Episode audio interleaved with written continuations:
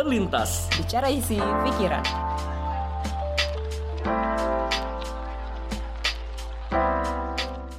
Halo, selamat, datang di podcast terlintas. Bicara isi pikiran. Kita udah masuk ke episode 19.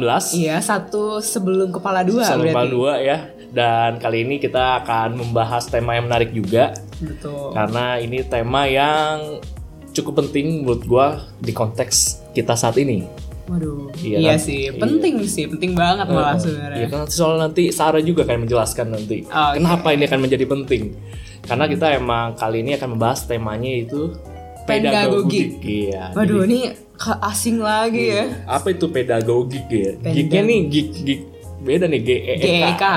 iya. Tapi sebelum kita jelasin apa itu pedagogik, tapi kita mau kenalin juga untuk teman-teman kita yang kali ini hadir untuk teman kita ngobrol di Iya. kali ini. Dan kali ini untung saja ternyata teman kita wanita ya.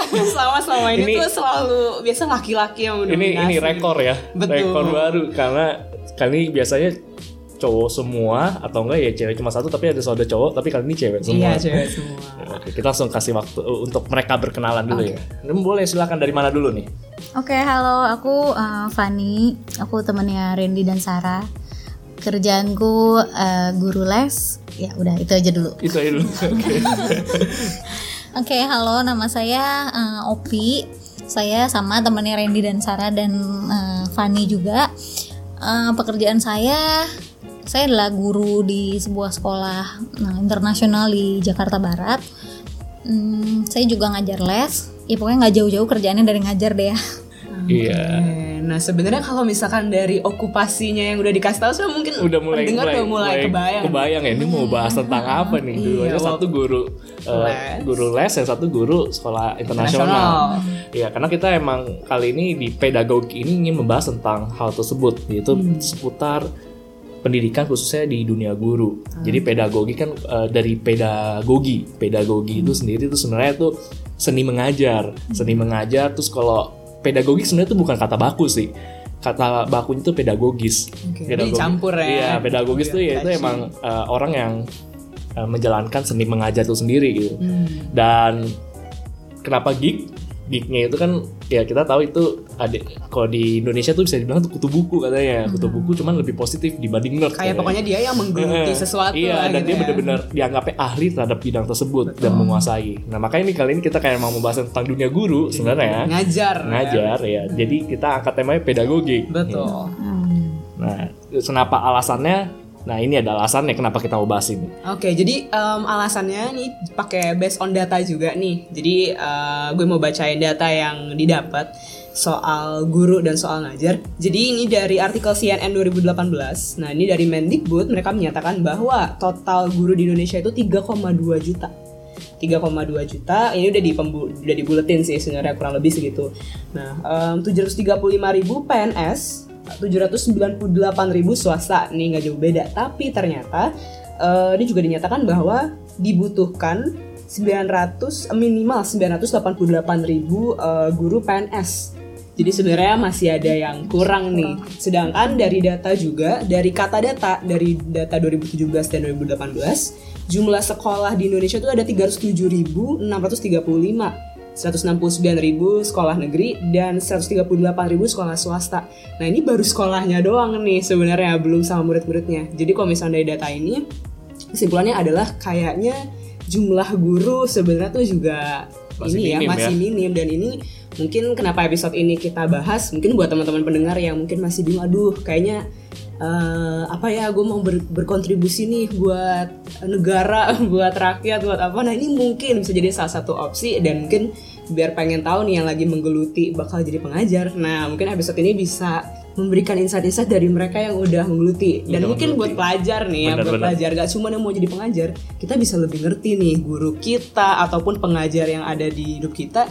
Mereka gimana sih eh, caranya? Jadi kita mungkin lebih bisa menghargai kayak gue gue kan bukan pengajar nah itu mungkin gue bisa wah ternyata jadi pengajar tuh begini begini begini nih kayak Iya, nah mungkin bakal gitu seru ya sih. itu. iya bakal seru sih pastinya Uniknya berarti kalau misalkan tadi lu bilang 3,2 juta dan itu ternyata gurunya baru setengahnya, berarti setengahnya lagi tuh baru guru honorer aja berarti ya. oh iya tadi iya Mm-mm. Dan itu artinya masih banyak banget emang tenaga pendidik yang dibutuhkan di betul Iya. Banget.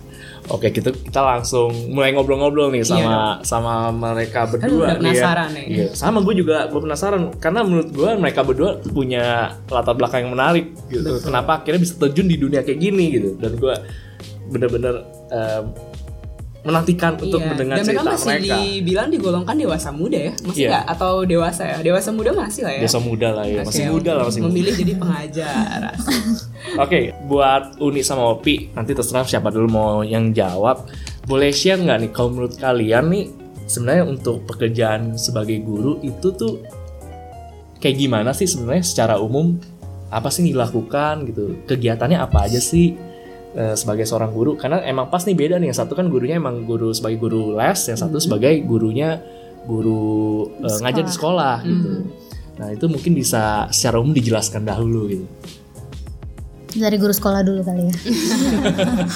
boleh boleh boleh. Oke, kalau uh, dari gue sendiri sebagai guru sekolah ya, kebetulan kan gue ngajar um, anak-anak uh, SD ya, Iya. maksudnya anak-anak yang umurnya juga masih ya, 7 tahun 8 tahun lah ya.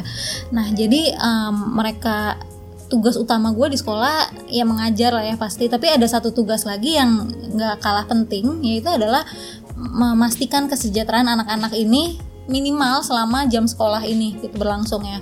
Jadi artinya eh, yang kita lakukan itu bukan cuma sebatas eh, mentransfer ilmu atau ngajarin anak-anak ngasih pengetahuan ini dan itu gitu ya, tapi juga kita mendidik mereka. Artinya kalau mendidik eh, lebih dari sekedar pengajar di kelas gitu ya, tapi kita benar-benar eh, mengajarkan sama mereka apa yang baik, apa yang benar, bahkan yang nggak ada hubungannya sama nilai eh, pelajaran mereka pun itu juga kita ajarin gitu. Jadi ini yang orang-orang suka uh, menurut gue sendiri ini yang orang masih suka mikirnya kalau guru tuh pasti tugasnya maksudnya kita selalu membayangkannya guru itu adalah ngajar di kelas uh, apalagi kalau yang digambar-gambar kan gitu kan sambil megang penggaris panjang terus pakai kacamata terus berdiri dekat papan tulis. Template. enggak padahal, padahal enggak gitu enggak gitu ya. Eh, enggak selalu begitu gitu. Kenyataannya jadi guru tuh ya ada juga gitu momen-momen kita eh, enggak selamanya begitu. Bahkan ngajar kayak gitunya tuh ya sehari cuma berapa jam sih gitu.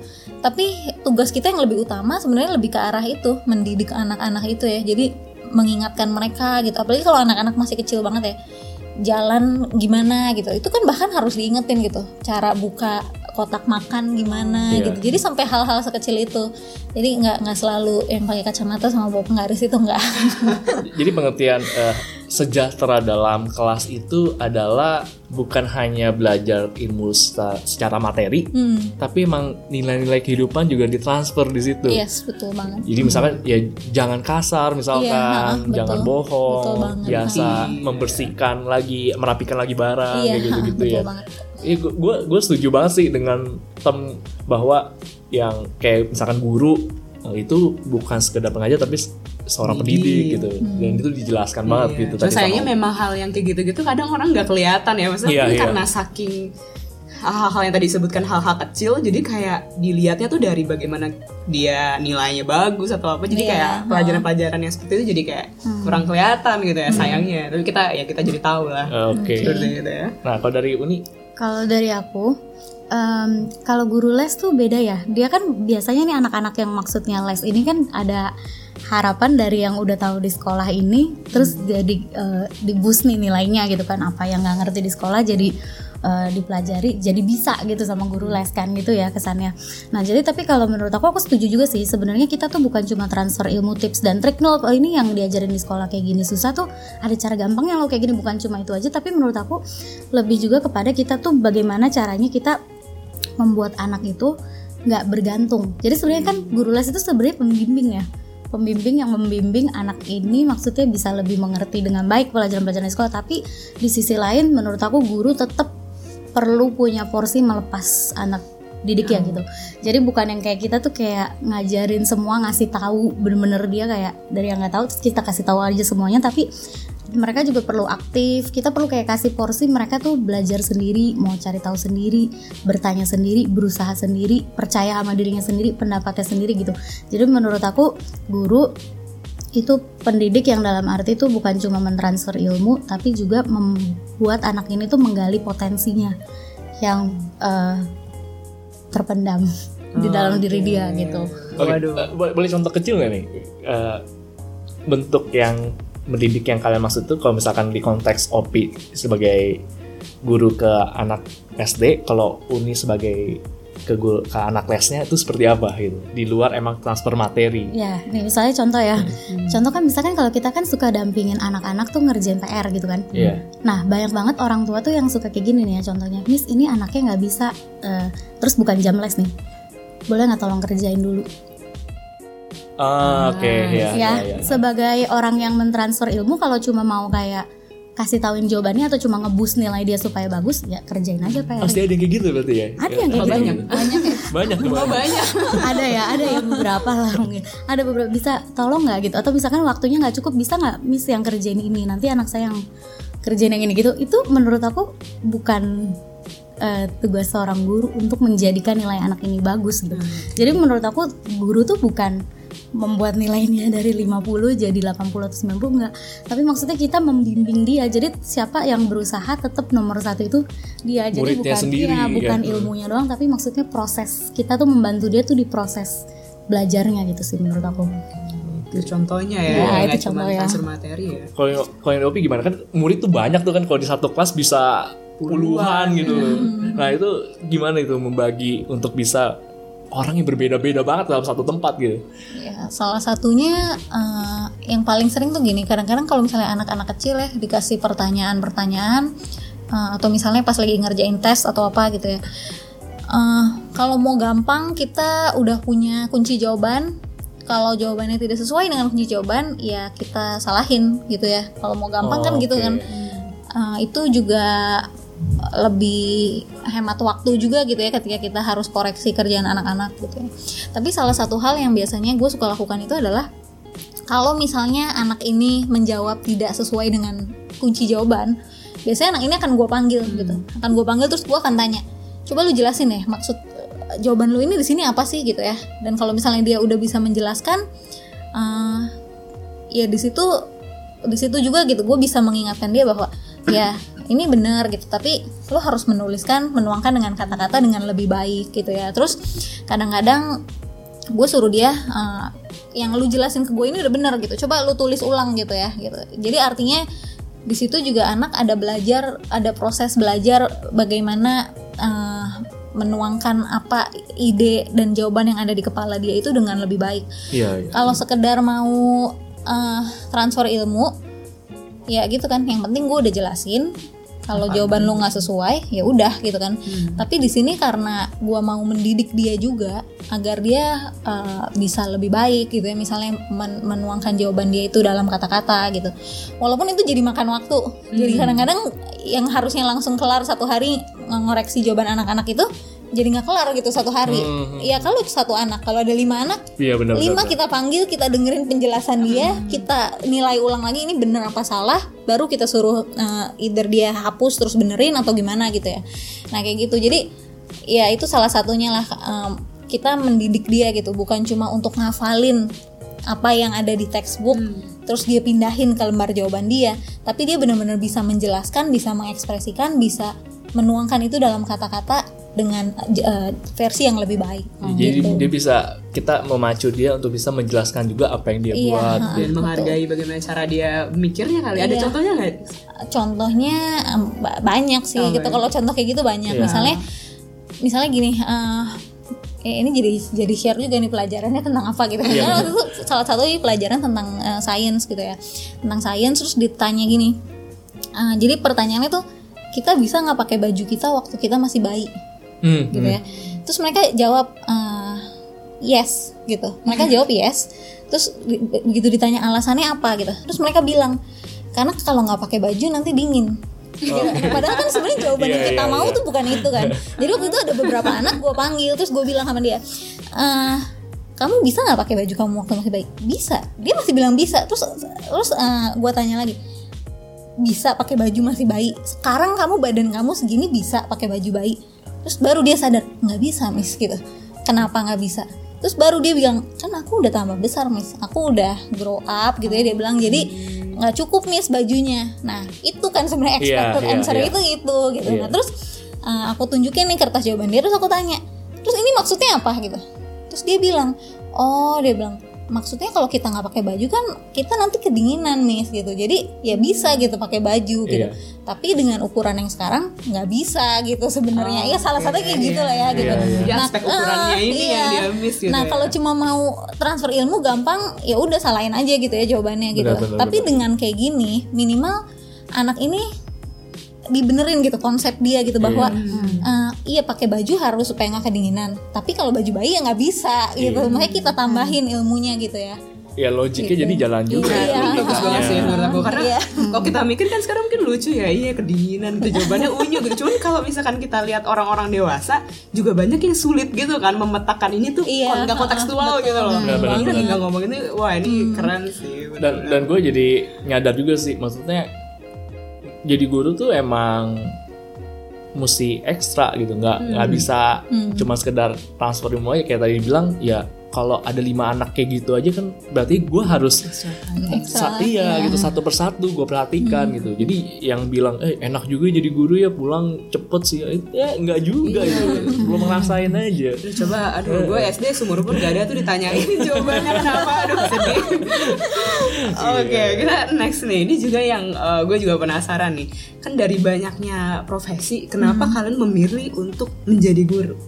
Gitu mungkin kan eh, ada mungkin oh ya karena mungkin terinspirasi dari guru yang itu atau atau kalian ada alasan-alasan yang membentuk kenapa jadi pengajar gitu pendidik gitu. ini jujur bagian paling gue penasaran nih karena iya benar eh, mereka berdua nih sebenarnya latar belakangnya dari pendidikannya sampai ke sini tuh menurut gua unik gitu. Nah, itu mungkin yang bisa di sharingin tuh. benar Eh, dari gue yang apa ya. Jadi kalau gue sendiri eh, dulu sebelum gue lulus kuliah, gue gue udah mulai ngajar les gitu ya private gitu.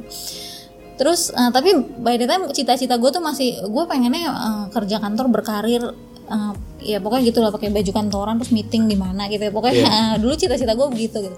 Dan ketika gue lulus gue memang bener-bener berhenti jadi guru les karena gue pengen mengejar cita-cita gue gitu. Iya. Terus gue sempat kerja kantoran Eh, tapi waktu gue kerja kantoran ada satu hal yang gue merasa kok kerjanya kurang dinamis ya kayaknya gitu. Dan satu hal yang gue sadar banget gitu yang gue maksudnya gue baru sadar ini berarti tapi ketika gue jadi guru les waktu waktu gue kuliah gue jadi guru les kurang lebih 4 tahun ya. Iya. selama empat tahun gue tidak pernah merasakan itu. Tapi ketika gue berhenti jadi guru les gue baru merasakan gitu. Apa yang gue rasakan?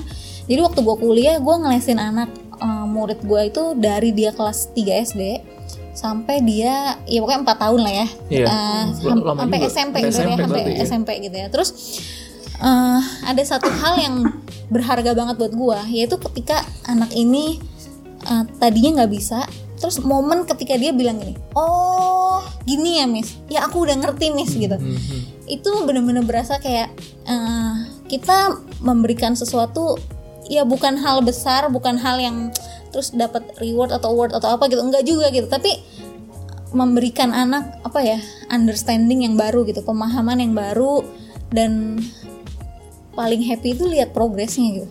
Ya lihat progresnya yang tadinya nggak bisa apa jadi bisa apa gitu. Iya, iya. yang tadinya ya nggak selalu dari nilai ya tapi bener-bener yang tadinya males belajar terus jadi rajin belajar gitu. Itu melihat itu apa ya mungkin perasaannya sama kalau kita lagi berusaha nanam sesuatu terus finally gitu berbuah gitu misalnya atau finally ya nggak usah berbuah deh kalau kita nanam sesuatu kan udah mulai numbuh aja kita udah seneng kan Iya. pasti gitu ya. padahal belum tentu berbuah nih tapi itu, itu aja kita udah seneng gitu. Nah itu yang gua rasain gitu. Ketika gua balik kerja kantoran itu yang gua rasain bahwa uh, oh my goodness gitu. Maksudnya ternyata hal itu tuh precious banget gitu. Itu bener-bener yang memberikan kedamaian tersendiri dan memberikan sukacita yang beda gitu. Beda deh sama hal lain gitu. Banyak hal yang bisa bikin kita happy. Tapi kalau kita bisa melihat progres dalam diri seseorang karena kita bantu gitu itu kayaknya ya ada kebahagiaan. Yang makanya nggak bisa dijelaskan bisa dengan kata-kata ya. Iya iya iya. Nah, karena itu akhirnya terus gue memutuskan gue mau coba lagi gitu balik jadi guru gitu. Terus gue coba apply di sekolah ya kebetulan memang semua prosesnya smooth gitu ya terus nah ya udah sekarang udah memasuki tahun kelima. Tahun kelima. lama ya. Nggak berasa. Gitu. Jadi yang yang dirasakan adalah karena emang ada ada perasaan, ada kebahagiaan yang itu nggak didapat di tempat lain, tapi itu dapat saat memang kalian mengajar gitu. Iya. Dan apalagi emang anaknya ada ada ada perkembangan lah gitu. Iya, ha, itu benar-benar kayak ki- ada hal yang luar biasa gitu. Ya itu yang menarik tuh. Itu jadinya jadi salah satu indikator tuh buat teman-teman yang dengerin mungkin kalau kalian juga punya rasa yang sama, wah itu bisa jadi jangan-jangan emang itu jalan kalian kali. ya. Iya, kalau misalkan ragu mungkin langkahnya bisa nyoba yang lain dulu. Coba tuh, kangen nggak? Maksudnya ternyata, wah ternyata kosong nih. Nah, itu mungkin bisa kembali lagi. Eh, tapi sebelum shifting ke uni, gue penasaran kenapa akhirnya milihnya SD? Karena waktu itu kan gue masih masih berarti waktu itu gue baru lulus lah ya masih 21 lah ya lulus 21an waktu itu. Gue mikir nih eh, kalau gue ngajar kelas besar eh, maksudnya gap umur gue kan terlalu deket tuh sama Ah, mereka. iya, iya, Nah, iya. itu gue waktu itu sempat ada keraguan. Nih kira-kira eh, anak-anak muridnya ini bakal bisa melihat gue sebagai guru atau lebih ke arah jadi kayak temen gitu. Sementara di satu sisi gue nggak punya pengalaman mengajar di sekolah. Gitu ya waktu itu. Gue baru pertama kan ngajar sekolah. Jadi gue pikir ya udah deh gue cari yang kira-kira gue udah familiar which is sama anak kecil gitu. Karena gue ngelesin anak les gue itu kan waktu gue kuliah dari dia masih kecil kan. Iya. jadi gue pikir kayak gue lebih familiar nih sama pelajarannya sama eh, cara kita handle anaknya gimana gitu. Terus ya udah jadi coba apply dan kebetulan memang dia butuhnya juga untuk yang kelas kecil gitu jadi Pas lah Iya iya. pas banget lah gitu. Akhirnya lanjut terus sampai sekarang. Akhirnya lanjut sekarang udah berat kayaknya kalau suruh pindah ke kelas yang lebih besar. gitu. Kayak udah udah nyaman, banget ya. Gitu. Oke. Oke, itu ke uni dulu nih. Boleh sharing nih pengalamannya nih. Kalau aku jadi guru kan sebenarnya kan dari waktu sama nih sama kayak Opi waktu itu kan kita ngelesin ya. Iya. Ngelesin dari masih kuliah sebenarnya itu memang benar-benar jadi sampingan aja. Cuma begitu begitu eh, ngelesin gitu ya pertama-pertama ngelesin itu jadi eh, apa namanya ternyata tuh enjoy gitu jadi tuh ternyata dari dari sejak aku ngelesin itu aku nggak pernah merasa aku salah tempat sih jadi aku merasa kayak aku menemukan kayak apa ya kayak eh, this is my place gitu lah intinya. Tapi eh, mungkin kurang lebih kenapa itu menyenangkannya gitu aku senang juga sih sama mungkin ya. Mungkin eh, sama juga sih sama Opi gitu ya. Maksudnya senang ngelihat anak-anak itu berproses ngelihat mereka dari yang tadinya nggak bisa nggak mau nangis nangis nggak ngerti remedial terus gitu pulangnya telat terus remedial terus kayak akhirnya nilainya berangsur-angsur membaik gitu. Terus kayak orang tua juga keluar uang kan nggak kecil ya untuk pendidikan mereka di sekolah gitu. Ya keluar nambah lagi sedikit untuk eh, di, di lesin tapi maksudnya hasilnya sesuai ekspektasi mereka. Mereka juga senang sering kali mereka juga ngomong kan. Mereka sampaikan itu gitu ya thank you ya miss karena eh, les sama miss eh, anaknya jadi begini begini begini gitu atau kayak anaknya juga kadang-kadang ngomong sendiri. Itu yang kayaknya menurut aku tuh harganya tuh lebih daripada sekedar kita dibayar lesnya itu loh. Kayak melihat mereka itu ya loh melihat, melihat kayak ter- menyadari bahwa oh ternyata kita tuh membantu mereka ya dengan pengetahuan dengan pekerjaan kita membantu mereka bikin anak yang tadinya stres ini jadi nggak stres bikin orang tua yang tadinya juga eh, sering berantem kan sama anaknya marah-marahin omel-omelin anaknya dan di sisi lain kita juga jadi tameng sih untuk anak-anak itu. Oh. benar-benar itu jadi kayak apa ya guru-guru les tuh jadi seperti tameng. Jadi orang tua nggak langsung ke anak karena banyak banget tuh yang ngomong miss saya nggak bisa ngajarin anak saya sendiri gitu. Kalau saya ngajarin anak saya sendiri tuh pasti Bawaannya Marah. berantem begitu. Saya marah-marah udah saya pulang kerja juga capek gitu. Anaknya nggak ngerti-ngerti udah saya nggak mau tahu miss minta tolong dong gitu. Jadi sebenarnya kita tuh seperti tameng juga ya menamani anak-anak ini dari nah itu aku aku bikin maksudnya eh, cukup senang juga. Jadi orang tua nggak perlu lah pusing-pusing nggak terlalu perlu terlalu menghabiskan terlalu banyak energi di soal-soal kayak gitu gitu. Karena kan ada guru lesnya yang bisa bantu dan itu yang menurut aku kita cukup bantu. Jadi mereka bisa punya quality time di ya maminya pulang bisa ada kerjaan yang lain atau apa eh, kegiatan-kegiatan lain sama anak ya gitu sih. Jadi emang jadi guru itu nggak cukup hanya pintar ya, tapi cara menangani anak, gitu, cara bisa tahu delivernya yang baik kayak gimana, itu juga penting gitu. dan komunikasi sama orang tua juga sih. Karena kadang-kadang ada orang tua yang suka maksain kan. Maksudnya nih kayak oh dia pikir pokoknya anaknya males aja taunya gitu. Padahal enggak sih. Dan kita eh, sebagai guru harus ngomong sih.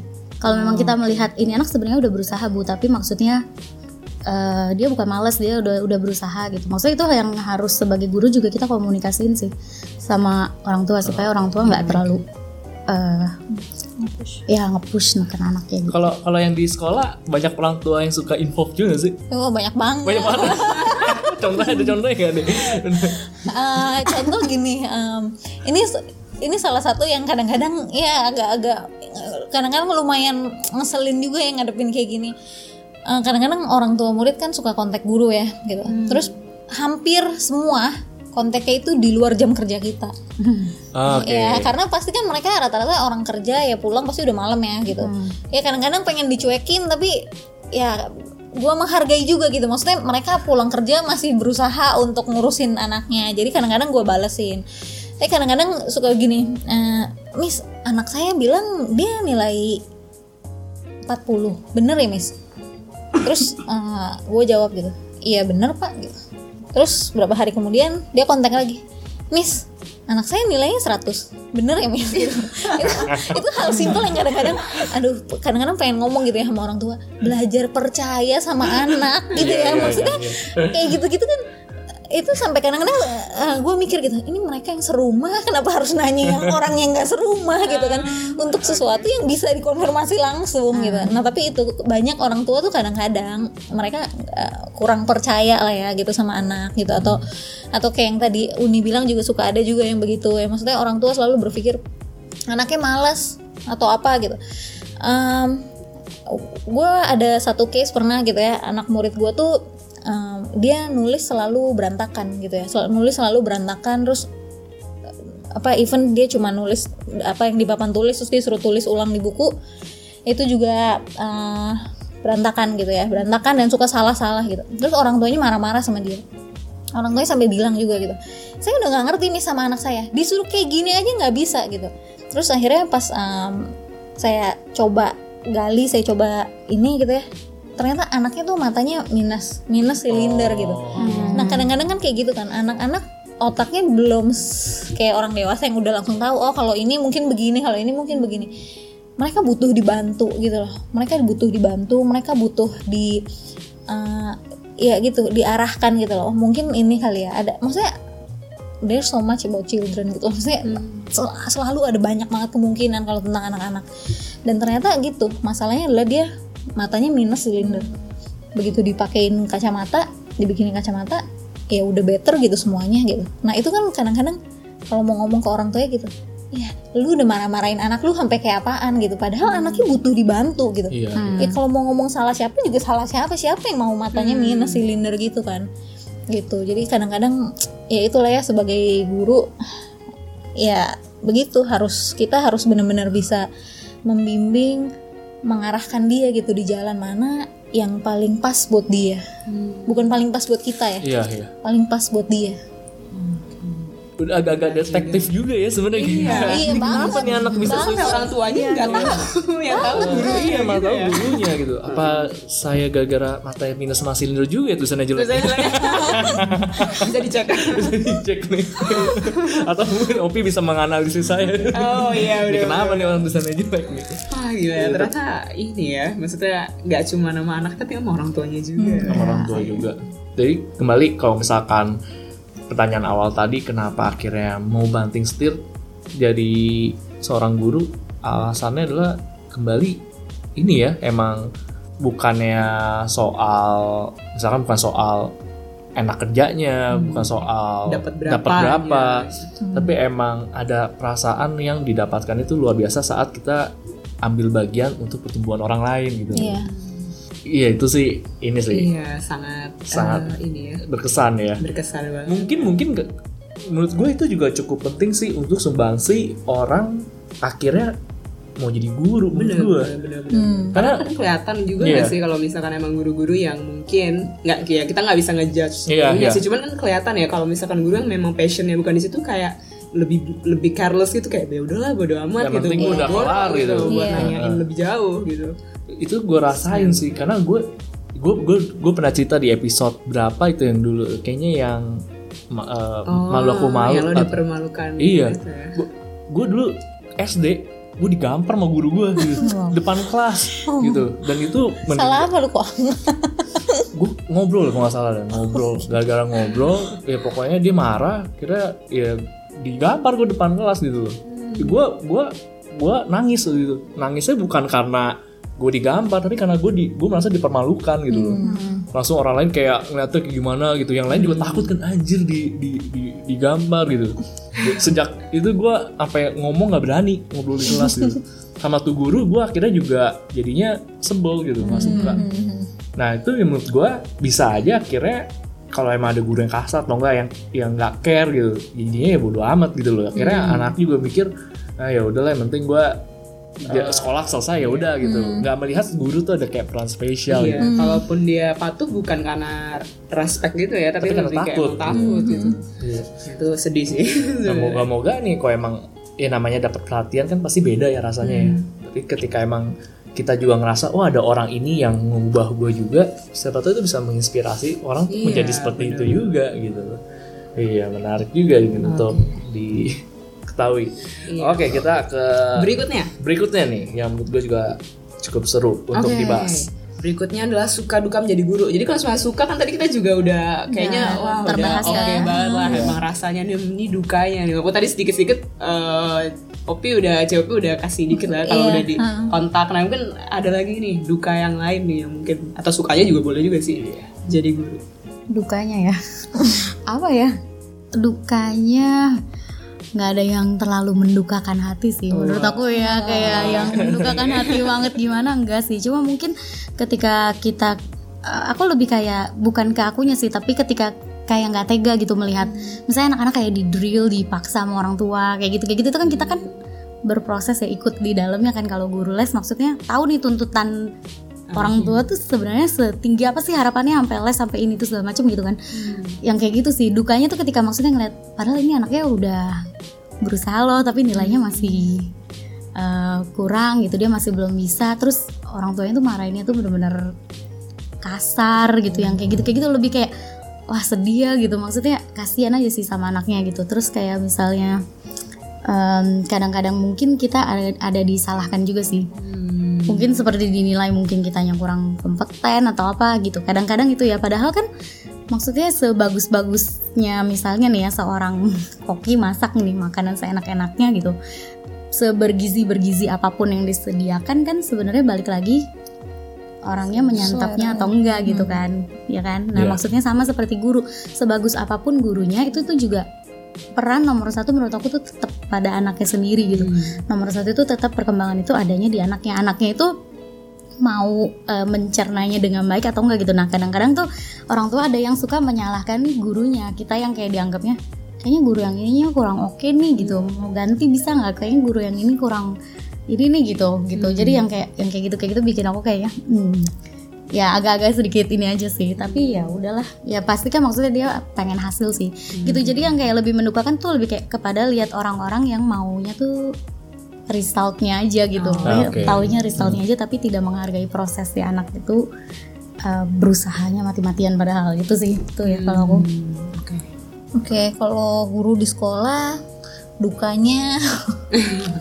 Ya kan kayak seperti yang gue bilang tadi ya eh, sebenarnya tugas utama gue selain mengajar itu adalah memastikan kesejahteraan anak-anak. Jadi kadang-kadang kalau misalnya ada anak yang sakit gitu ya eh, dan nggak menutup kemungkinan gitu anak itu bisa muntah di depan kita. Oh, Oke. oh ya iya dong.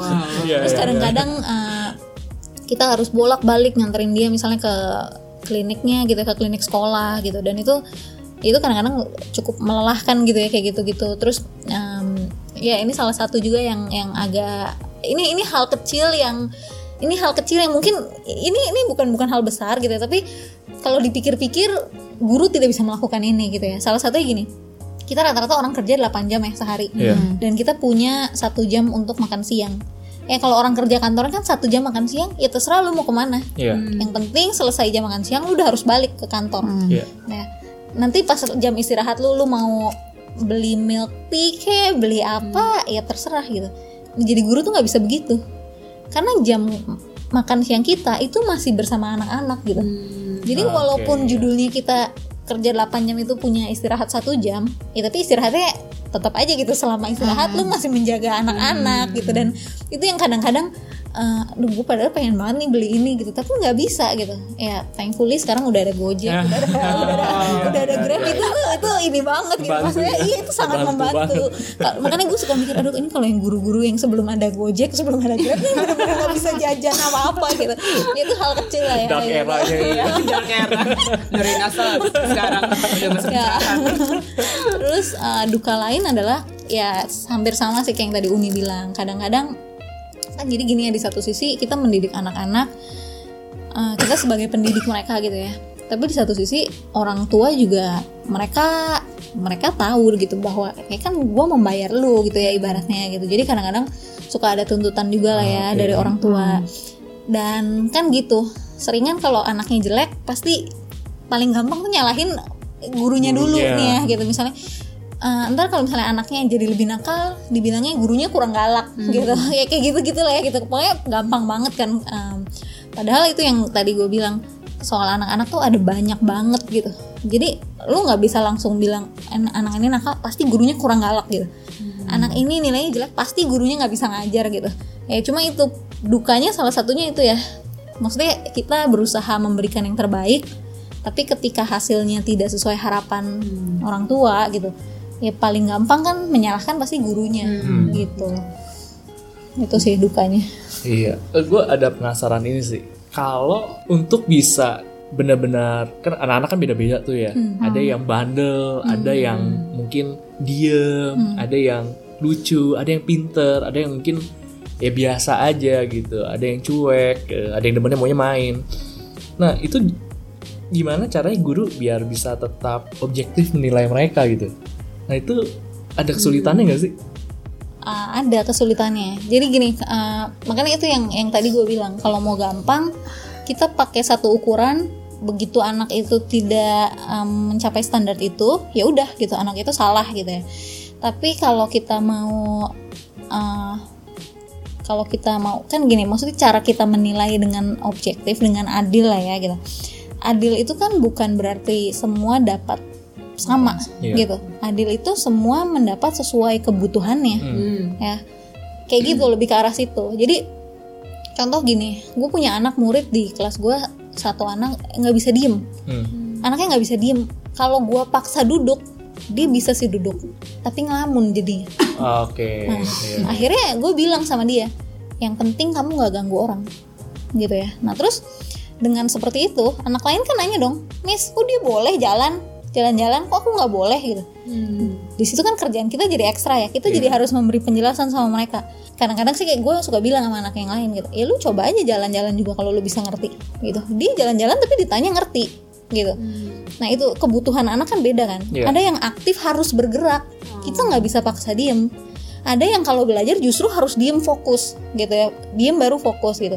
Nah itu jadi PR-nya jadi begitu kan. Jadi makanya begitu awal tahun ajaran itu eh, itu adalah kesempatan banget untuk kita benar-benar mengenal setiap anak. Oh yang ini butuhnya apa? Yang ini tipenya gimana? Gitu ya. Kalau udah ya tinggal berjalan sesuai dengan kebutuhan mereka. Jadi bukan bukan sesuai kebutuhan kita. Iya, Nah, iya, iya. kalau mau sesuai kebutuhan kita kan di pikiran kita pasti namanya belajar itu ya lu duduk diem dengerin gitu. Tapi ternyata anak itu butuh untuk bergerak gitu. Dan kalau kita paksakan ya yang ada anaknya jadi nggak fokus. Anaknya nggak fokus kitanya juga jadi kesel kan? Iya. Hmm, jadi cara menilai secara objektif adalah sesuai kebutuhan bukan sesuai standar kita. Gitu. Oke, jadi diperlukan untuk kita benar-benar kenal satu per Iya, satu ya. iya, betul banget. gila ya, benar-benar harus effort yang dikeluarkan besar deh. Hmm. Kalau kayak Uni gimana kalau ngeles? Kan eh, mungkin lebih sifatnya lebih personal ya satu anak satu anak. Tapi gimana bisa nilai objektif itu? Dalam artian begini ya kita benar-benar bisa menilai dia apa adanya gitu menilai dia apa kan adanya. tadi kan Uni juga sempat singgung bagaimana menjelaskan ke orang tua ini anaknya kayak gini. Itu kan berarti kan ada penilaian. Emang ada ya mungkin guru ada kriteria tertentunya sampai menilai oh ini anak mungkin secara nilai begini tapi dia ada lebih begini. Nah itu gimana tuh Gu?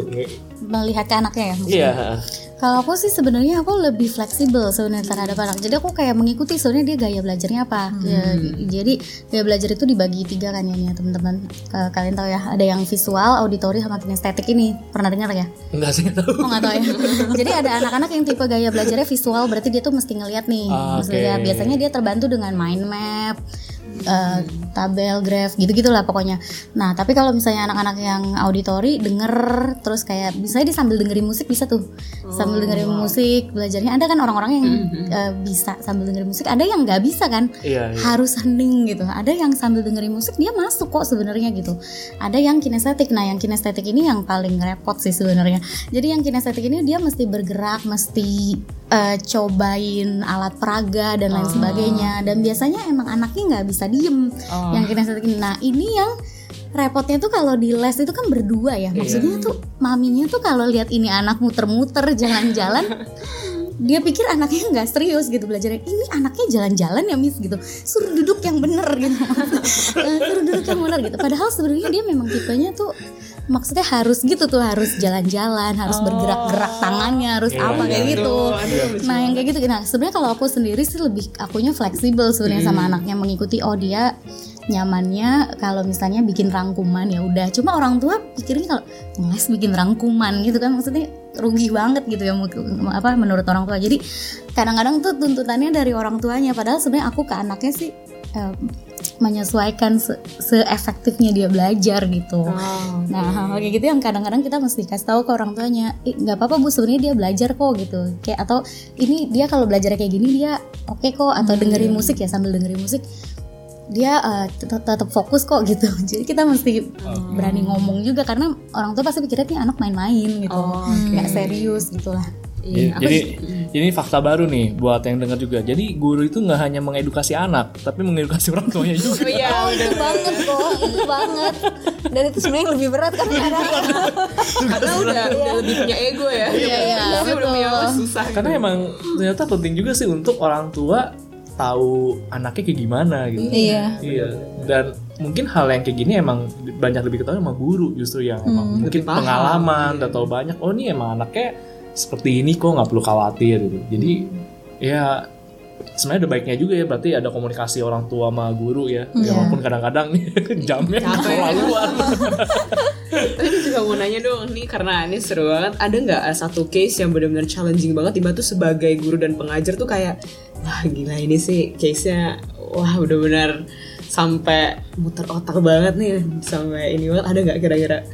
Muter otak banget ngajarin si anak Ah, ini gitu ya maksudnya challenge challenge yang mungkin dalam yang benar-benar memorable kayak wah ini sebagai pengajar tuh benar-benar yang sampai bingung sampai kayak aduh mesti ngapain gitu ada nggak kira-kira momen kayak gitu? Eh, ada sih. Pertama kali aku pegang kurikulumnya Singapura. Ngajar anak kurikulum Singapura itu tuh dalam banget Sar. Jadi bener-bener kayak apa ya bener-bener oh my god, oh my god. Yang kayak bener-bener itu bener-bener aku ngerasa kayak cukup ini sih apa kayak oke aku mesti belajar lagi ternyata aku mesti upgrade lagi ya ilmunya Beda tuh banget ya soalnya. bedanya tuh beda banget sih sama yang selama ini kan tadinya aku ada di apa eh, National Plus gitu ya mungkin murid-murid National Plus. Nah pertama kali pegang murid eh, inter yang Singapura ya, yang Singapura itu ada salah satu sekolah National High itu dalam banget sih eh, materi-materi dia itu bener-bener muter otak banget. Tapi aku juga di satu sisi eh, merasa tertantang sih kadang-kadang kalau misalkan aku nggak bisa solve it eh, right away gitu ya. Di situ aku bilang sama, sama maminya atau sama anaknya bu sorry saya perlu review lagi nih soal ini karena eh, kalau saya paksain eh, ngajarin di sini ini anaknya nanti malah bingung saya foto dulu ya gitu. Kadang-kadang aku gitu. Jadi aku fotoin aku bawa pulang aku kerjain dulu di rumah gitu. Maksudnya kok oke aku mesti upgrade ini pasti ada cara yang sederhananya nih gitu. Jadi itu yang menurut aku memorable sih ngajar anak-anak ini bertiga yang di sekolah di sekolah Singapura ini. Itu bener-bener eh, akunya merasa akunya mesti upgrade gitu. Baru-baru kali ini aku merasa maksudnya matematika kan SD termasuk mudah ya. Maksudnya nggak yang sampai aku merasa kayak apa sih bener-bener aku merasa kewalahan banget itu. Dan itu aku ternyata oke ternyata sebagai guru kita tuh mesti mengupgrade diri kita ilmu kita dan pengetahuan kita juga gitu. jadi itu sih itu yang menurut aku cukup cukup memorable buat aku. Pengajar yang harus belajar juga ya berarti ya. Oke oke oke. Kalau dari Shopee gimana ada gak?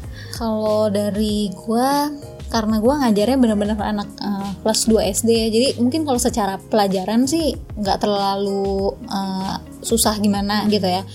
Tapi lebih ke arah eh, tingkah laku anak-anak ini gitu ya. Terus kayak yang tadi eh Korean dibilang juga gitu kalau di sekolah kan satu kelas berapa puluh anak gitu ya dengan anak yang beda-beda. Jadi kebetulan banget gue pernah dapet satu dalam satu tahun ajaran itu ada satu anak yang bener-bener tipenya harus digalakin gitu ya. Jadi orang tuanya juga dari awal udah bilang miss ah, sama anak saya harus galak miss gitu. Marahin aja nggak apa-apa miss gitu. Oh ya udah gitu. Eh kebetulan dapat satu anak lagi jenisnya yang eh, orang tuanya bilang gitu miss anak saya nggak bisa digalakin gitu ya. Ah, denger suara orang agak tinggi dikit dia bisa langsung down gitu. Dan waktu awal-awal ngajar itu tiap kali gua eh, marahin satu anak yang pertama itu ya suara gua agak tinggi. Anak yang kedua ini dia bisa langsung nangis. Padahal bukan ke dia. Padahal bukan ke dia gitu. Sampai temen-temennya. Wah itu bener-bener. Jadi kadang-kadang gitu. Terus yang bikin kesel juga anak yang bikin masalahnya mah cuek-cuek aja gitu. Iya, ya iya. udah diteriakin diapain cuek-cuek aja? Yang nggak ada hubungannya justru dia yang nangis gitu. Dia yang langsung merasa down gitu. Wah itu awal-awal tuh PR banget gitu. Sampai gue harus terus ingetin dia "Eh, Miss nggak ngomong sama kamu gitu. Miss ngomong sama yang ini tapi kan ya itu nggak gampang juga kan mengubah kebiasaan dia kalau dia tidak biasa dengar suara agak tinggi gitu. Jadi itu serba salah gitu. Kalau gua ikutin nggak ngomong nada tinggi sama sekali yang satunya makin Iya. loose gitu ya. Tapi kalau gua harus kerasin yang ini yang ini down terus gitu tiap hari. Ya itu salah satu yang uh, sempet ya cukup iya menantang banget gitu. Akhirnya gimana cara gua handle itu setiap kali satu anak ini bikin salah awal-awal tuh gua ajak ngomong one on one gitu ya one on one which is kayak yang tadi gue bilang lagi nambah kerjaan lagi kan sebenarnya gitu Oke, menarik banget sih. Iya. Eh, apalagi ini juga ya, kalau ada yang berantem juga kayak susah ya. iya Eh, eh, karena kadang-kadang cerita bisa beda-beda nih anak ini, ini anak begitu. Gitu. hmm. Itu emang nggak gampang nih jadi guru. Oke nih kita langsung ke pertanyaan selanjutnya. Ini secara singkat aja menurut kalian. Menurut Opima Uni, apa arti guru, murid, dan sekolah buat kalian? Hmm. Dengan pengertian kalian. Hmm. arti murid semua yang mau belajar Semua yang mau Ya, belajar. Jadi sebenarnya artinya semua manusia itu harusnya masih menjadi murid. Karena kita masih terus belajar sampai kapan? Sampai nanti kita tutup usia ya. Jadi murid sebenarnya kayak gitu walaupun orang suka membatasi murid itu yang di sekolah aja gitu. Padahal Berseragam. enggak gitu ya. Iya. Murid itu semua orang yang mau belajar dia masih menjadi murid berarti. Dan berarti harusnya semua orang tuh murid ya sampai kita tutup usia. Guru adalah em, seorang eh, pendidik dan yang lebih penting lagi seorang jadi gini kebetulan banget ya kemarin baru ikut training gitu ya ini dibilang gini tugas guru itu bukan cuma mentransfer ilmu dia bilang gitu kalau tugas guru itu cuma ngomong di depan jelasin lebih bagus YouTube Oh, Oke. Iya, Iya, YouTube iya. banyak ya video-video kita tinggal puter juga. lebih menarik gitu ya. Lebih menarik. Kalau nggak seneng bisa kita pause, bisa kita ganti videonya gitu. Kalau guru kan nggak bisa di delete. Terus eh, kalau guru nggak bisa di delete gitu. Jadi jadi tugas kita itu bukan mentransfer ilmu, ngomong kasih penjelasan, tapi kita adalah memfasilitasi mereka supaya mereka bisa belajar, menemukan sendiri. Nah, itu yang tadi gue bilang momen ketika mereka oh gini gitu. Jadi tugas kita memfasilitasi. Ya, mungkin kalau salah-salah dikit kita benerin gitu ya. Itu guru Nah, sekolah em, menurut pengertian gue sekolah adalah ya lembaga yang eh, itu ya di mana dalam lembaga itu terjadi interaksi antara eh, guru murid dan orang tua harusnya Iya, ya. Eh, kadang-kadang orang tua selalu menempatkan diri "Ya, itu kan tugas guru di sekolah gitu Ya, padahal enggak juga gitu nah jadi eh, kalau pengertian gue untuk sekolah ya seperti itu Penting tuh, nggak hanya guru murid tapi ada orang, Orang tua. tua. Tuanya juga ya. Iya. Kalau dari Uni, Kalau menurut aku untuk murid sendiri sama ya pasti murid itu adalah orang-orang yang menurut aku ber eh, apa ya mentalnya mental mau belajar. Gitu intinya dia mau belajar mau lebih tahu mau lebih baik itu menurut aku murid sih. Dalam hal apa pun itu. Terus kalau sekolah ya sama lah lembaga yang maksudnya ya memfasilitasi proses pembelajaran itu sendiri. Kalau guru menurut aku satu poin yang selalu aku tekankan sama diri aku sendiri ketika aku juga lagi mengajar dan menjadi guru aku selalu berpikir bahwa aku tuh bukan orang yang lebih pintar daripada anak-anak ini. Hanya lebih tahu duluan gitu. Jadi aku selalu menekankan guru adalah orang yang sudah tahu lebih dulu gitu. Mengetahui sesuatu lebih dulu dan kemudian eh, mau mentransfer eh, ilmunya itu gitu, membagikannya untuk orang lain. Jadi bukan lebih pintar ya. Jadi menurut aku eh, murid kadangkala bisa jadi lebih pintar dan bahkan lebih pesat, le- lebih kritis, lebih apa gitu. Tapi eh, itu poinnya ya menurut aku gurunya itu adalah orang yang tahu lebih dulu kemudian mau membagikan eh, ilmunya. Kemudian kalau misalnya muridnya di situ memang ternyata lebih kritis lebih pintar ya kemudian belajar bersama gitu. Di dalam proses pembelajaran itu itu sih menurut aku. Ini yang menarik adalah tadi Opi bilang eh, kalau jadi guru itu nggak hanya transfer ilmu tapi juga harus bisa memfasilitasi. memfasilitasi dan eh, yang uniknya tadi Opi ada sempat ngomong ini murid itu adalah orang yang selalu mau belajar. Hmm. Jadi sebenarnya guru juga eh, bawa semangat sebagai seorang murid juga ya gitu Iya. karena emang harus belajar tadi nyambung juga sama yang eh, Uni bilang karena sama murid pun kita bisa belajar, gitu. Iya. kita pun juga tadi Uni bilang pas dapat kurikulum Singapura Uni juga belajar lagi untuk me- iya. me- memperdalam diri jadi istilah emang satu orang ngajar tapi eh pas satu orang ngajar tapi dua orang belajar tuh bener banget ya gitu ya. Iya, oh iya, Iya. bener banget. dan iya itu mencerahkan gue gitu gue jadi ngerti oh iya jadi jadi masuk akal uh, omongan itu gitu karena emang gue setuju banget sih uh, semangat mengajar itu bukan hanya kita seolah-olah yang memberi Kita gitu yang lebih tapi pintar. iya tapi kita juga kita juga harus bawa semangat murid gitu kita yang belajar juga untuk bisa berbagi juga yang lain gitu. tahu lebih dulu jadinya ya gitu gue gue demen banget uh, termnya itu Kita jadi kuat ya, balik. kita masih jadi itu akan masuk quote nanti Iya, omongan kalian berdua udah diincar nih Iya. bagian sini gitu ya. Oke, seterusnya nih juga eh, mau nanya juga nih buat kalian yang sudah menjadi pengajar, apa sih yang harus dimiliki dan diperhatikan sebagai guru? jadi mungkin Oh. jadi mungkin yang mau jadi guru tuh kayak bingung kan aduh gue mesti punya apa ya gitu Hmm. apa yang mesti diperhatikan nah kalian bisa nge-share yang harus dimiliki oleh seorang Iya. guru adalah um, walaupun kita mau jadi pengajar, pendidik, tapi nomor satu yang harus dimiliki sebagai guru menurut gua adalah hati yang terus mau belajar. Ya, jadi walaupun terkesannya kita yang ngajarin, tapi sebenarnya kita yang harus belajar. Terlepas dari kita belajar uh, materinya, juga kita belajar gitu. Oh, anak ini tuh begini gitu. Oh, anak ini butuhnya begini gitu. Oh, cara ngajar ke ini harus begini. Kalau yang ini beda lagi gitu. Jadi eh, jadi guru tuh harus itu satu eh, punya hati yang mau belajar. Yang kedua gini ibarat kita eh, ya gue tahu ya sebagai guru pasti kita punya ekspektasi gitu ya terhadap anak murid. Tapi yang paling eh, kadang-kadang gue suka mikir gitu apa yang membuat eh, guru lebih nyambung ngajarin ke anak daripada orang tuanya sendiri ke anak gitu ya? Mungkin kalau gue pikir-pikir gitu ya mungkin begini orang tua ini kan udah kenal anak ini dari kecil gitu ya dari dari lahir gitu. Mungkin dia sudah punya banyak ekspektasi juga gitu Iya. ibarat gelas tuh nggak kosong gitu loh ibaratnya nah sementara ketika kita guru pertama kali ke- ketemu anak kan kosong gitu gelasnya iya tanpa ekspektasi apa-apa, tanpa tuntutan apa-apa gitu.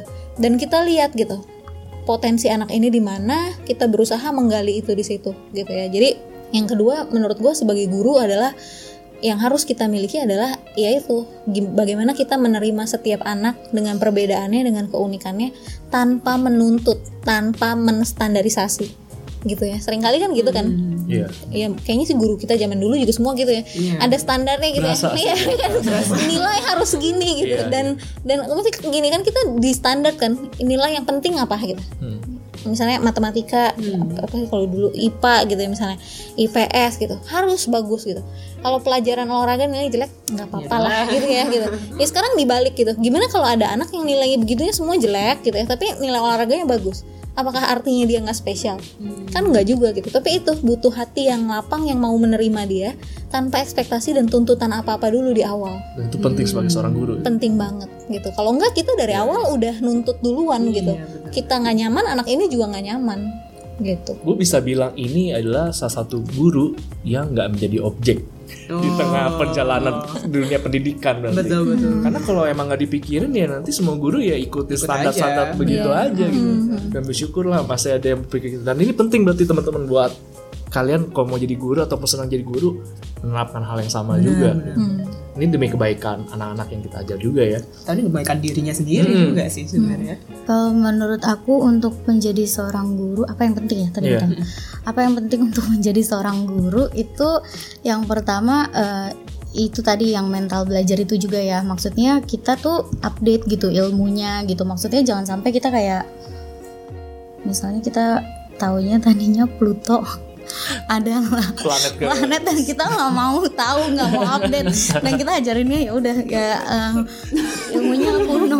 Ya pokoknya maksudnya kita itu harus update juga gitu. Maksudnya mau tahu berwawasan Mau cukup belajar. ini ya maksudnya oh ya mau belajar lah gitu. Jangan sampai apa apa kita nggak tahu juga. Tapi maksudnya bukan arti kita harus serba tahu sih. Tapi memang eh, menurut aku untuk me- memunculkan curiosity di diri anak-anak kita harus contohin itu dulu. Kalau kita tahu banyak kan berarti anak-anak tahu dong kita tuh curious juga sama banyak hal gitu. Mereka niru sih harusnya. Tapi kalau missnya aja juga nggak tahu kok apa-apa ini nggak tahu itu nggak tahu ya udahlah anak-anak juga mematikan memadamkan semangat keingintahuan mereka gitu menurut aku. Jadi pertama menurut aku guru tuh mesti em, kepo sih. Maksudnya mau mau tahu banyak gitu mau tahu ini itu mau belajar mau eh, upgrade mau lebih baik itu yang pertama. Terus kedua dalam mendidik harus care sih gitu. Jadi bukan cuma result oriented gitu. Maksudnya bener-bener bukan cuma hasilnya nilainya 90 atau A atau berapa lah itu. Tapi juga lihat bagaimana anaknya berproses di dalamnya. Maksudnya bener-bener eh, mengapresiasi anak itu bukan cuma dari hasilnya gitu. Kadang-kadang usahanya itu juga perlu kita apresiasi. Itu penting sih menurut aku karena kadang-kala di dalam proses ketika memang hasilnya belum kelihatan tapi kita udah bilang atau tidak menghargai apa yang sudah dia lakukan itu yang memadamkan semangat belajar dia. atau semangat dia berkembang gitu. Jadi menurut aku jadi guru mesti care sih. Mesti care terhadap proses bukan cuma terhadap hasil gitu. Itu sih menurut aku. Menurut gue emang penting juga sih emang wawasan juga luas yang tadi Uni bilang. jadi kita tahu eh, update banyak juga gue punya ada kenalan dia punya kendalanya begini. Dia suka matematika sebenarnya. Cuman ketika dia udah SMA dia nanya gurunya kenapa saya perlu belajar ini? Gitu diajarin. Ini cuman gurunya nggak bisa ngejelasin kenapa dia perlu fungsinya dia belajar ini apa. Akhirnya orang jadi males. Belajar Wajar sih. belajar Jadi eh, merasa nggak penting iya, ya. merasa nggak penting ya. Ini mah biasa aja ngapain gue gue pelajarin? Karena ya gue tanya gurunya gue apa gue belajar ini dia nggak bisa jawab? Gitu Iya. gue kalau apa gitu. Iya. dan ya udah akhirnya tuh orang eh, akhirnya mal- ya males lah belajar itu sampai akhirnya satu Iya. dia nyadar oh ternyata ini, Ini loh gunanya. eh, gunanya gitu loh ternyata segala sesuatu tuh butuh matematika Iya, gitu loh Iya. Nah itu yang nggak dijelaskan sama gurunya akhirnya tapi dia padahal dia berpotensi di situ gitu. Nah berarti itu juga penting guru bisa menjelaskan juga ya relevansi kan gitu. Eh, terus juga kontekstual itu juga kayaknya juga seru juga sempat dibahas.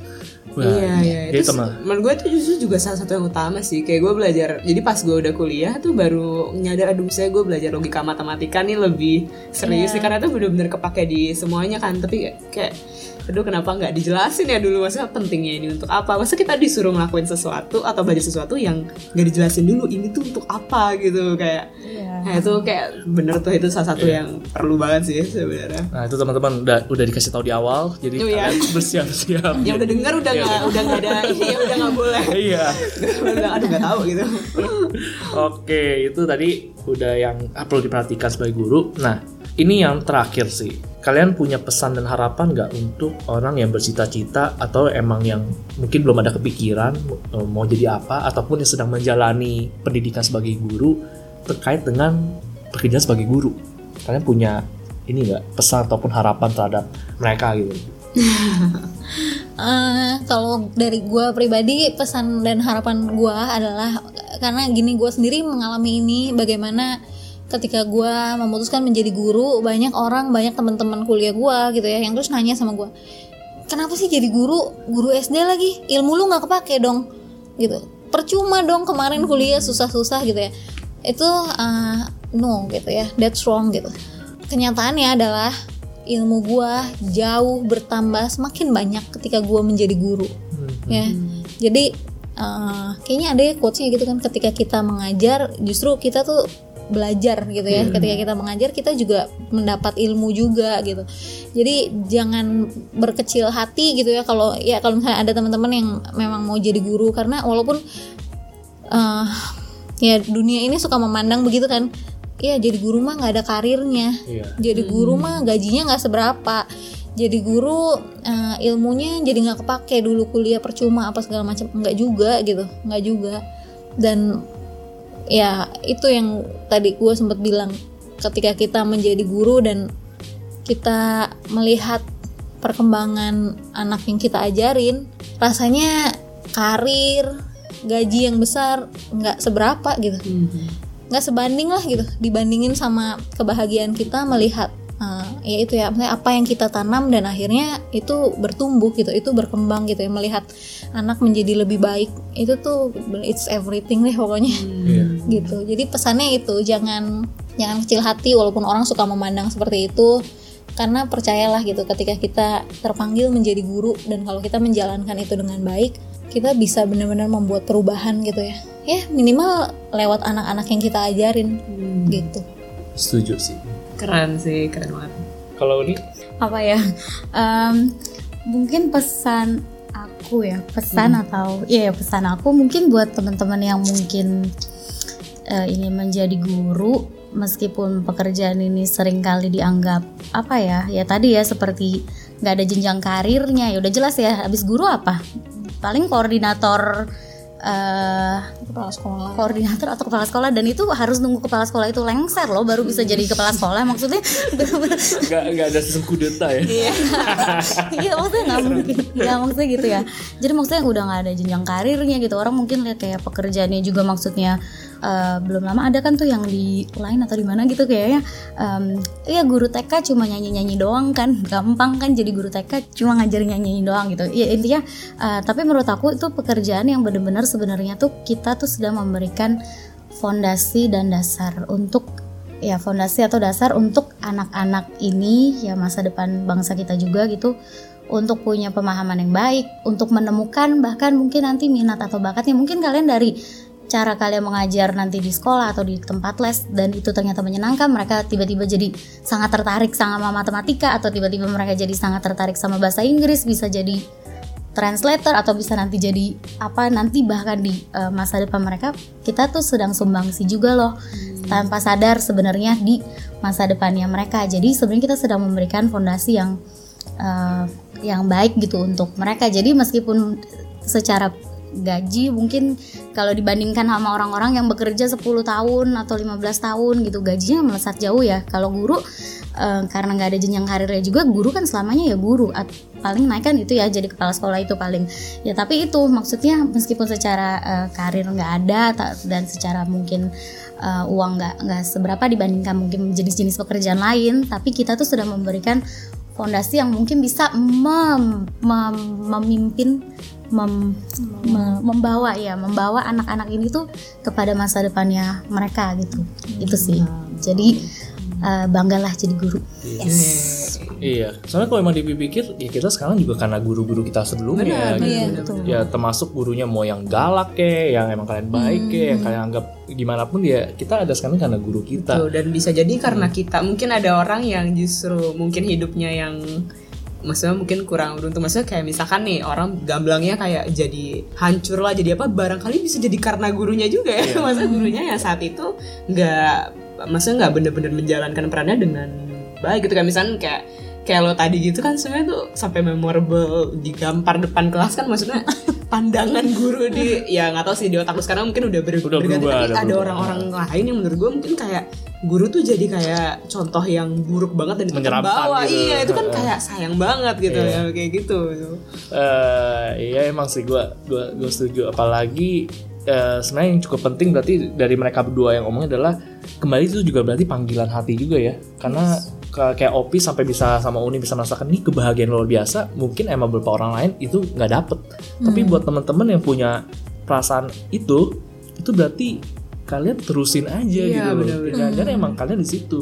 Dan menurut gua kalaupun nih misalnya ada orang eh, yang kerjanya di di bidang lain tapi dia juga ternyata ngajarinnya nggak enjoy. Ketika denger ini ngerasa iya sih sebenarnya gue pengen ngajar gitu. Nah, lu juga nggak usah takut gitu. Go on aja jangan-jangan emang itu yang impian lu gitu yang emang nggak bisa diukur pakai uang nggak bisa diukur pakai eh, misalkan jabatan, gitu. Tapi emang lu, lu lu bisa optimal sebagai diri lu seutuhnya buat di kehidupan sekitar lu ya itu menurut gue emang yang lebih membahagiakan gitu. Iya. jadi guru itu menurut gue emang ya penting gitu. Dan kita Indonesia butuh saat ini betul. gitu. Dan buat yang mungkin tidak jadi pengajar ataupun sekarang sedang jadi pelajar, ya mungkin dari podcast ini juga bisa ya melihat dan mengapresiasi lah Iya. maksudnya guru-guru kita ataupun someday jadi guru juga atau apa. Nah ini mereka bukan ya itu karena panggilan bukan main-main ya, bener-bener mengerahkan seluruh effortnya untuk Iya. orang lain gitu. Dan emang penting banget nggak hanya sekedar transfer ilmu, tapi juga membagi nilai-nilai. ke- Jujur gue juga apa yang membuat gue akhirnya mau jadi dosen bukan karena dosen ini pinter ngasih ilmu, tapi karena pas dia gue lagi skripsi dia ngedampingin gue ya. terus, nguatin gue terus itu gue ngerasa, oh, ini orang beda banget ya, gue nggak pernah nemu orang kayak gini nih, tapi ini orang, orang hebat nih gitu. Tapi itu yang akhirnya bikin gue, oh iya nanti suatu saat gue gue gue juga mau kayak dia nih. Jadi jadi berkat buat orang lain, jadi inspirasi gitu. Dan dua orang yang hadir sini, gue yakin pasti murid-muridnya juga ada bersyukur gitu suatu saat pernah mengenal mereka berdua. Dan j- dan jadilah kalian seperti itu juga untuk orang lain. Ya kurang Oke. lebih itu obrolan kita kali ini ya. Iya, tentang mengajar. Ya, tentang dunia guru walaupun sebenarnya ini perspektifnya masih di salah satu spektrum lah ya spektrum ya nggak- ya nggak menyeluruh, tapi masih ada guru SMP SMA, SMA, olahraga ada dunia ya. pendidikan tinggi lagi ada pun Hmm. ada playgroup dan segala macam tapi kurang lebih ini bisa memberi gambaran buat teman-teman ya inilah guru gitu dengan Hmm. kelebihan dan juga dengan segala suka dukanya Betul. ya dengan perjuangan yang ada semoga bisa menginspirasi Yes. teman-teman semua ya Tuh, teruslah belajar teruslah dan Thank bisa you. jadi pengajar thank you buat Uni sama Opi yang udah Iya, thank you menemani banget. kita di episode kali ini Sama-sama, terima kasih Sama, juga kesempatannya. Iya. Thank you juga. kalau nanti ada tema-tema lain yang masih relevan buat kita bahas ataupun masih se- seputar pendidikan karena menurut gue ini nggak akan habis di sini sih iya karena emang terlintas akan selalu bahas tentang dunia ini khususnya juga eh, literasi Iya. pendidikan itu yang emang eh, kita akan banyak gaungkan ke lah ya depannya gitu jadi jika itu mari kita ngobrol bersama Oke. jangan kapok ya jangan dan kapok kapok ya. ya kita akan menutup episode kita kali ini dengarkan terus eh, Terlintas Podcast di ada di Spotify dan kawan-kawan Hmm, bisa juga uh, kontak ke kita ke terlintas.podcast di Instagram atau Ya. ke email kita terlintas. Uh, Media media at gmail.com. gmail.com. Di situ boleh banget kasih kritik dan saran, mungkin mau nanya juga atau Iya. ide tema yang menarik juga boleh banget. Di situ juga ada uh, account kita berdua itu boleh banget disapa aja Iya. gitu. Terima kasih sudah mendengarkan ya dan kita akan menutup episode kali ini. Saat sesuatu terlintas di pikiran, Biarlah ia menjelajah hingga menjadi nyata. saya Randy. Uh, saya Sarah. Saya Uni. Saya Opi. Sampai jumpa di episode selanjutnya. Dadah. Dadah. Bye.